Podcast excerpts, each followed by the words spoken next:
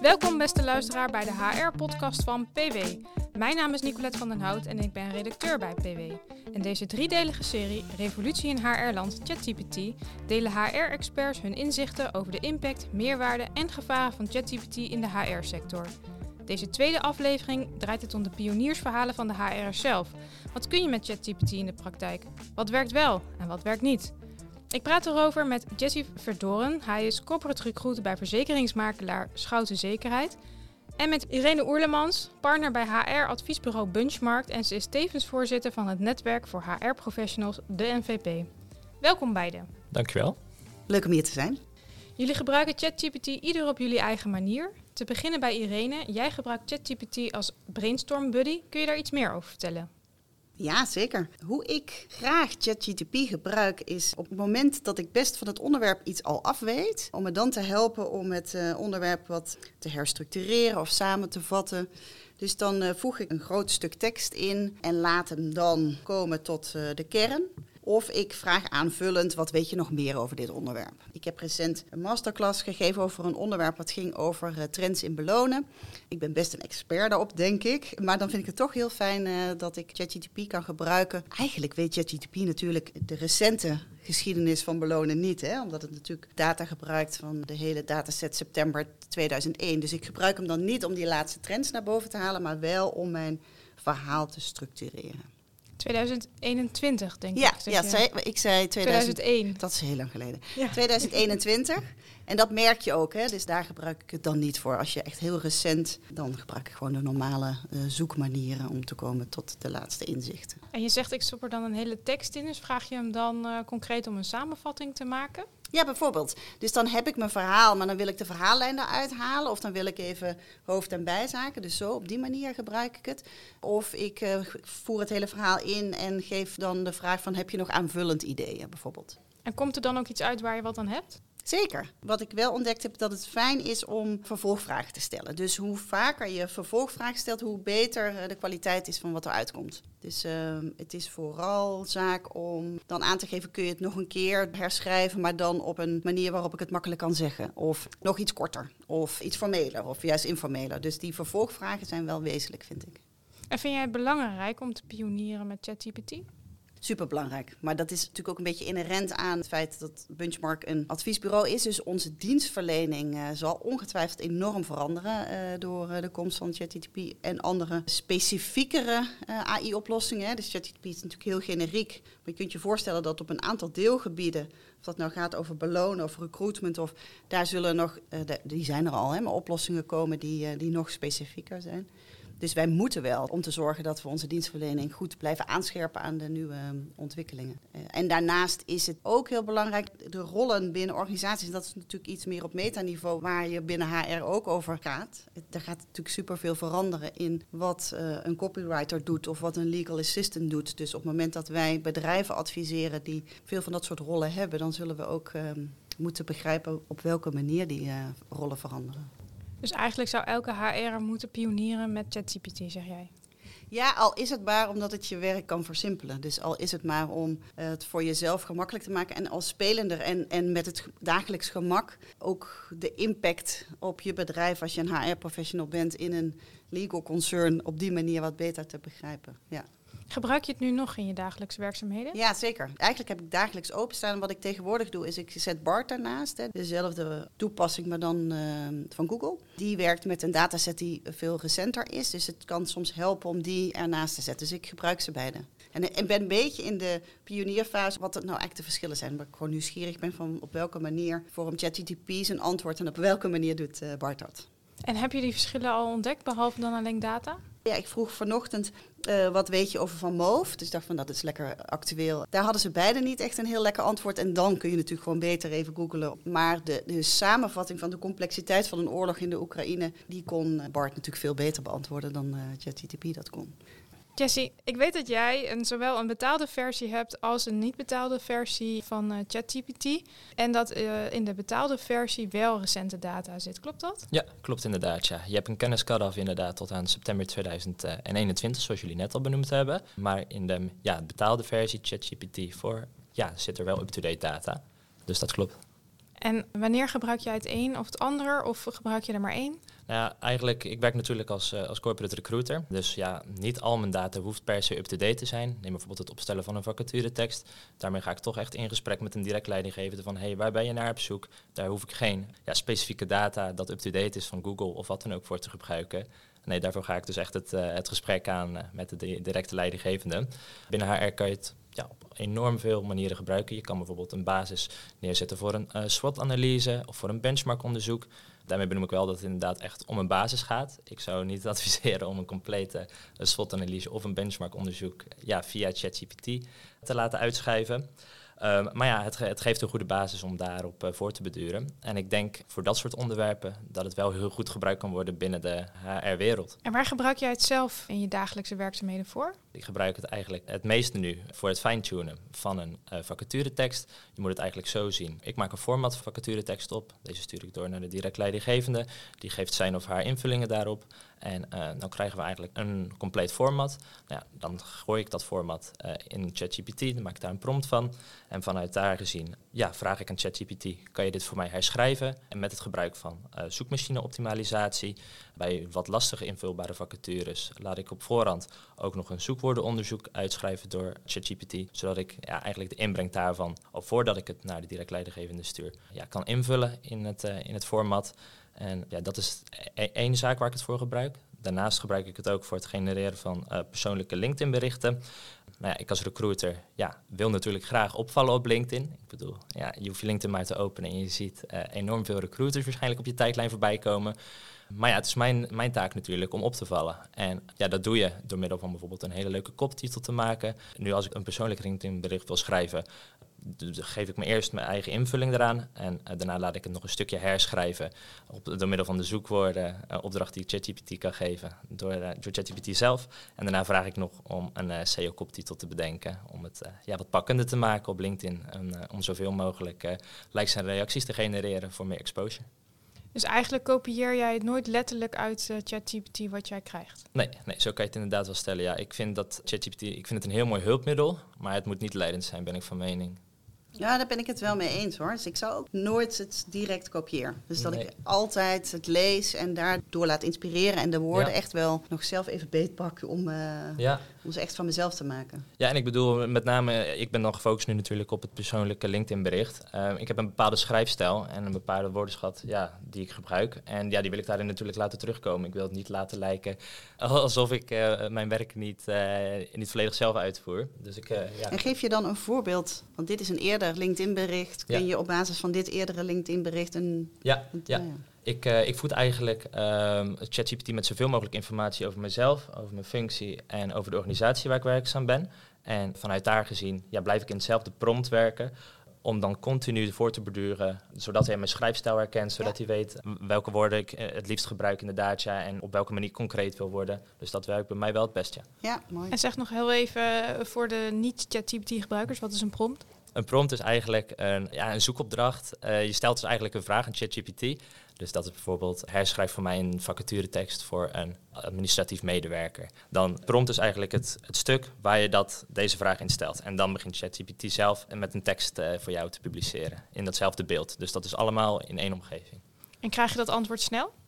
Ja, dat is eigenlijk puur afhankelijk van het tijdstip waarop je het doet als je de gratis versie gebruikt. Ik merk zelf dat als je het in de ochtend gebruikt, dat je vrij snel een antwoord krijgt. Maar als je op een gegeven moment rond een uur of 1 à 2 smiddags merkt dat Amerika wakker wordt, dan merk je dat de gratis versie toch wel ja, iets trager werkt. Nog niet storend, maar het werkt wel trager dan in de ochtend. En ik hoor jou ook zeggen, ik vul mijn gegevens in, wie ik ben en die van het bedrijf. Ja. Uh, vul je zomaar wat in? Of vertrouw je ChatGPT dat, hij het alleen tegen jou zegt? Nee, nee, nee, nee. Ik ben heel secuur met het omgaan van gegevens inderdaad. Ander hulpmiddel waarvoor je ChatGPT als recruiter dan ook kan gebruiken... is bijvoorbeeld het analyseren van een cv. Denk erbij aan, bepaalde functies krijgen we ja, tientallen sollicitaties binnen. Nou, nou, dan neemt natuurlijk een hoop tijd in beslag om deze sollicitaties en cv's te analyseren. Een hulpmiddel kan zijn dus het gebruik van ChatGPT. Maar daar moet ik wel bij zeggen, ik heb het tijdens een masterclass die ik heb gevolgd, heb ik het geprobeerd. Maar toen werd me ook duidelijk benadrukt van, hey, vul echt alleen de werkervaring en de opleiding in. En begin niet aan andere NAW-gegevens of persoongegevens te zitten. Want je weet nooit wat ChatGPT daarmee doet. Maar neem bijvoorbeeld, ja, net als de werkervaring en de opleiding. Ja, als iemand een LinkedIn-profiel heeft, staat het eigenlijk ook al op het internet. Dus dat zijn zaken die daar wel prima in zou kunnen verwerken.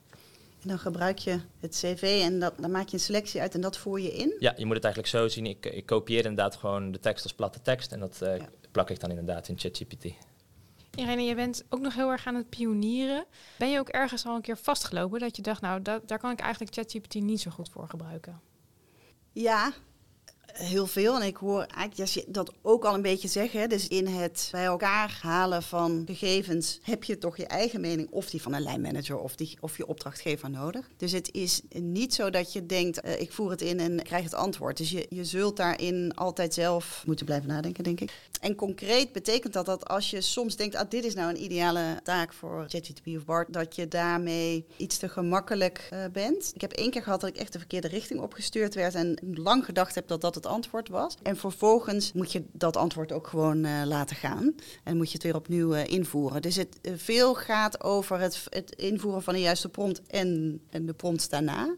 Waar wij als benchmark mee experimenteren. En dat is gegevens vanuit Excel goed invoert en dan zegt maak eens een analyse. Wat zie je hier? Dat, dat lukt nog niet. Dat kan volgens mij met Bart beter, maar daar heb ik ook nog niet de juiste swoon te pakken. En het is een, natuurlijk vooral een taalprogramma. Daar vind ik het fantastisch voor. De analysefunctie vind ik nog niet helemaal, daar durf ik nog niet zo goed op te vertrouwen. Als ik dit zo hoor, Jessie, jij zei het net al, jij hebt een uh, cursus gevolgd. Welke cursus heb je gevolgd en heb je dan misschien nog een gouden tip voor Irene? Ja, ik heb de cursus, uh, het was eigenlijk een masterclass inderdaad, recruitment marketing en ChatGPT. Ik heb inderdaad nog een gouden tip uh, voor Irene ja, stel je vraag aan uh, ChatGPT zo duidelijk en beknopt mogelijk. Ik hoorde het net in het begin ook al benoemen inderdaad, van ja, wees gedetailleerd, ga dieper in op de vraag zelf. Dat is de eerste tip die ik mee wil geven, want ja, hierdoor kan één ChatGPT je sneller begrijpen en verkrijg je een ja, nuttiger antwoord vanuit uh, ChatGPT. En daarnaast gebruik ik bijvoorbeeld de zinnen, geef me een top 5 of vat samen in vijf zinnen. Dat heb je zelf waarschijnlijk ook al ervaren, dat als je iets vraagt aan ChatGPT, dat je een enorm uitgebreid antwoord krijgt. En ik gebruik eigenlijk altijd dus de, de basiszinnen van of vat het samen in een x aantal zinnen of geef mij een top 5 in plaats van een top 10 of top 15 wat je automatisch krijgt vanuit uh, ChatGPT. En daarnaast is het ook heel belangrijk om de rol te bepalen van ChatGPT. En dat doe je eigenlijk door vooraf instructies te geven. Nou ja, dat doe je door middel van bijvoorbeeld de zin herschrijf de onderstaande tekst voor mij. Of bijvoorbeeld onderzoek voor mij wat de meest gebruikte sociale mediakanalen zijn voor een specifieke doelgroep die ik wil gebruiken. Dat zijn dan twee voorbeelden die ik zelf in de praktijk gebruik. Dat, dat helpt je niet alleen met het optimaliseren van op dit moment bij wijze van spreken je doelgroepanalyse uh, of je uh, vacaturetekst. Maar het zorgt er ook voor dat je inzichtelijk hebt aan de hand van data op welke, nou ja, neem bijvoorbeeld mijn laatste vraag, welke sociale mediakanalen gebruikt mijn doelgroep krijg je ook, ja, als je de betaalde versie gebruikt, dan up-to-date resultaten naar voren. En dat scheelt jezelf natuurlijk enorm veel zoekwerk. Ja, en ik hoorde jou net zeggen, blijf in dezelfde prompt werken. Ja. Die vond ik ook al heel fijn. Of geef nog even een voorbeeld van uh, een eerdere tekst die je gemaakt hebt, zodat hij daar uh, die ook als basis kan gebruiken. Ja. ja. zeker. Je gebruikt het ook voor uh, zoekfunctie-optimalisatie. ja. En ook is al inmiddels bekend dat Google je ook een beetje afstraft als hij ineens ziet dat het te perfect is. Dat hij denkt, nou, dit is uh, gebruikt door een ChatGPT. Mhm. Hoe probeer jij dat te voorkomen? Dat klopt, dat, dat Google daarmee bezig is. Hoe ik dat probeer te voorkomen in eerste instantie is, nadat ik een mooie prompt heb, heb gekregen vanuit ChatGPT, dus een mooi antwoord, nogmaals te vragen, herschrijf dit voor mij op een manier waarop het lijkt dat ChatGPT dit niet heeft geschreven.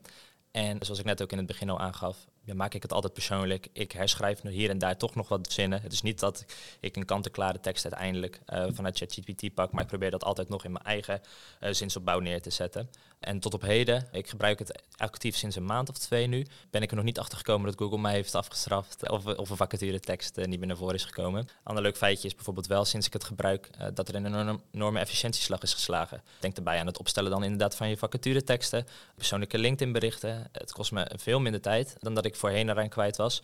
En daarnaast uh, een leuk feitje wat ook te benoemen valt, is wij binnen Schouten Zekerheid, de werkgever waar ik werk, uh, werken met een uh, LinkedIn Recruiter Sheet. Dus wij hebben ook de mogelijkheid om vacatures via LinkedIn te publiceren.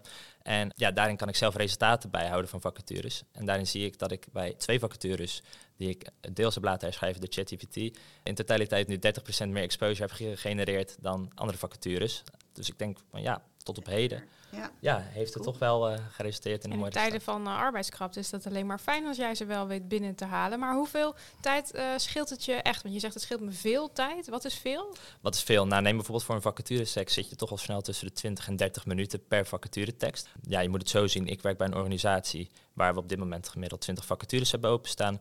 Dus ja, als je dat om gaat rekenen, ook met natuurlijk nieuw te creëren vacatures, eh, uitbreidingen en natuurlijk verloop, ja, scheelt me toch, toch wel een hoop arbeidsuren op jaarbasis. Je, je bent normaal met 30 minuten bezig eh, met een vacature en met het gebruik van ChatGPT. Hoe lang ben je er dan mee bezig? Eh, nee, normaal gesproken ben ik ja, in, in zijn complete opbouw denk ik circa anderhalf uur bezig. Dus inderdaad met het voorbereiden, met het aansturen, met het eh, verwerken van de feedback van de leidinggevende en het ophalen inderdaad van recente informatie.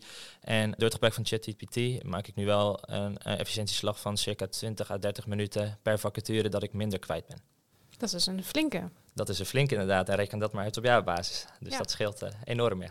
Ja, en het interessante is natuurlijk dat daarmee ook nog eens de kwaliteit beter is. Hè? Dus, Ja. dat, dus de efficiëntie is één. En als dat ook nog eens een keer gepaard gaat met een hogere effectiviteit, dus een betere eh, vindbaarheid. Of Ja. een, eh, dat is natuurlijk een waanzinnige mooie combinatie.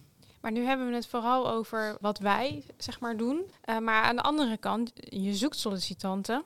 Zij kunnen hun sollicitatiebrief natuurlijk ook gewoon via ChatGPT hebben geschreven. Denk jij dat je al zo'n sollicitatiebrief hebt binnengehad, Irene? Nee, wij zoeken binnen Benchmark altijd consultants. Dus ik heb daar nog niet voor onszelf, ons eigen bureau, eh, ontdekt dat dat eh, op die manier gaat. Maar denk je dat je dat zou kunnen zien? Dat, eh, dat je een sollicitatiebrief binnen hebt gekregen waarvan je denkt, nou, misschien is dat toch een beetje... Ja, in ons geval zou dat eh, geen enkel probleem zijn. Vervolgens ga je met iemand eh, bellen of eh, communiceren en kom je er snel genoeg achter of, dat, of iemand op eigen kracht ook de ideeën kan omzetten in goede producten. Ja. Dus ik zou daar niet zo moeilijk over doen. Jij? Ja, ik merk inderdaad wel dat met name eh, Engelstalige vacatures, dus die een koptitel hebben die Engelstalig zijn binnen mijn organisatie, wordt er over het algemeen ook door internationale mensen op gereageerd. En dan kan ik wel duidelijk zien inderdaad dat er eh, ChatGPT is gebruikt. Je kan ChatGPT zelf ook de vraag stellen van, hey, is de onderstaande tekst door jou geschreven? Echt Nou, waar? Ja. Dat kan inderdaad, ja. Alleen, ja, ChatGPT kan ja en nee zeggen. Hoe valide is dat antwoord op dat moment? Dat weet je niet.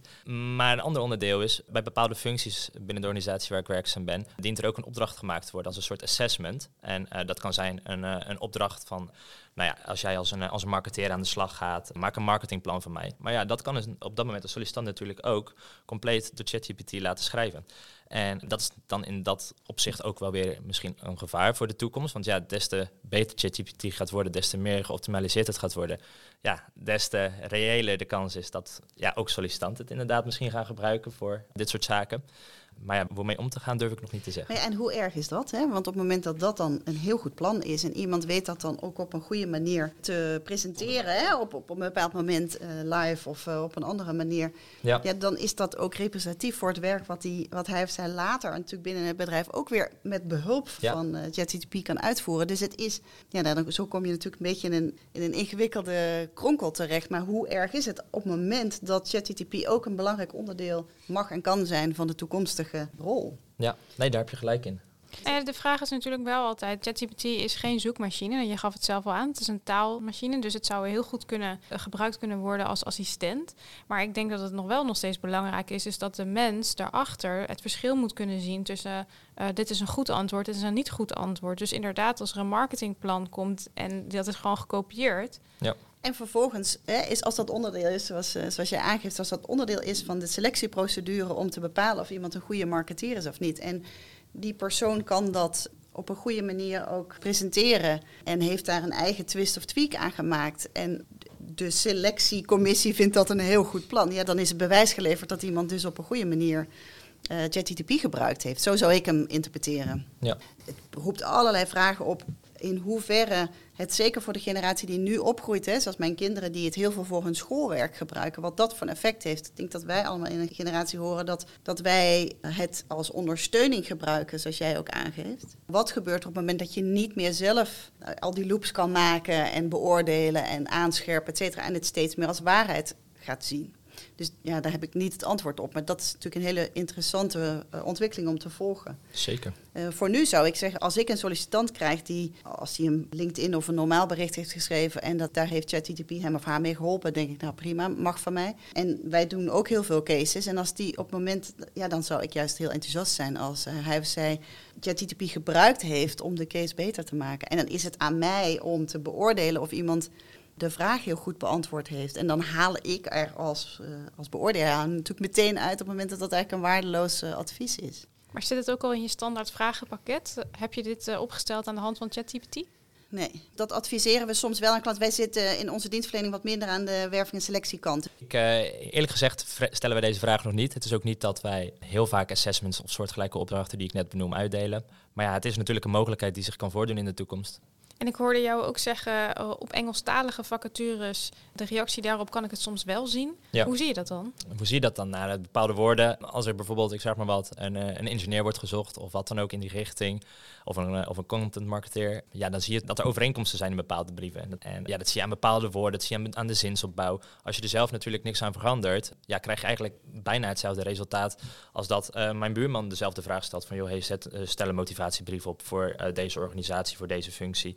En ja, als je daar niet secuur mee omgaat en het niet persoonlijk maakt, ja, dan zie je genoeg overeenkomsten. Heel erg herhalen van de vacaturetekst. Klopt. En dus als je een vacaturetekst echt wel bijna identiek terugziet, ja. Nou, dat was vroeger natuurlijk ook al zo, want dan las je hem goed en dan probeerde je in ieder geval ja. in te haken op. Maar als het echt letterlijk, ja, dan. Dat is een goede aanvulling, ja, dat klopt. Dan zie je het ook, ja.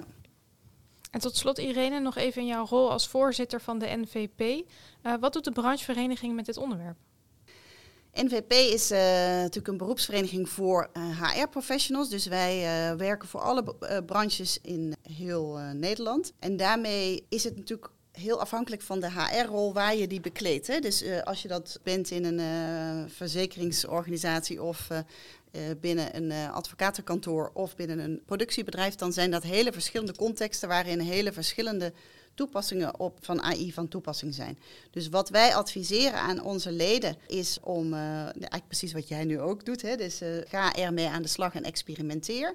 En tegelijkertijd, en dat is ook wel interessant eh, voor de volgende aflevering, waar volgens mij Thomas Mulder wat meer gaat vertellen over hoe uh, Vodafone Ziggo bepaalde beleidsacties uitzet om te zorgen dat je als gebruiker binnen de grenzen blijft van wat uh, binnen het bedrijf mag en kan.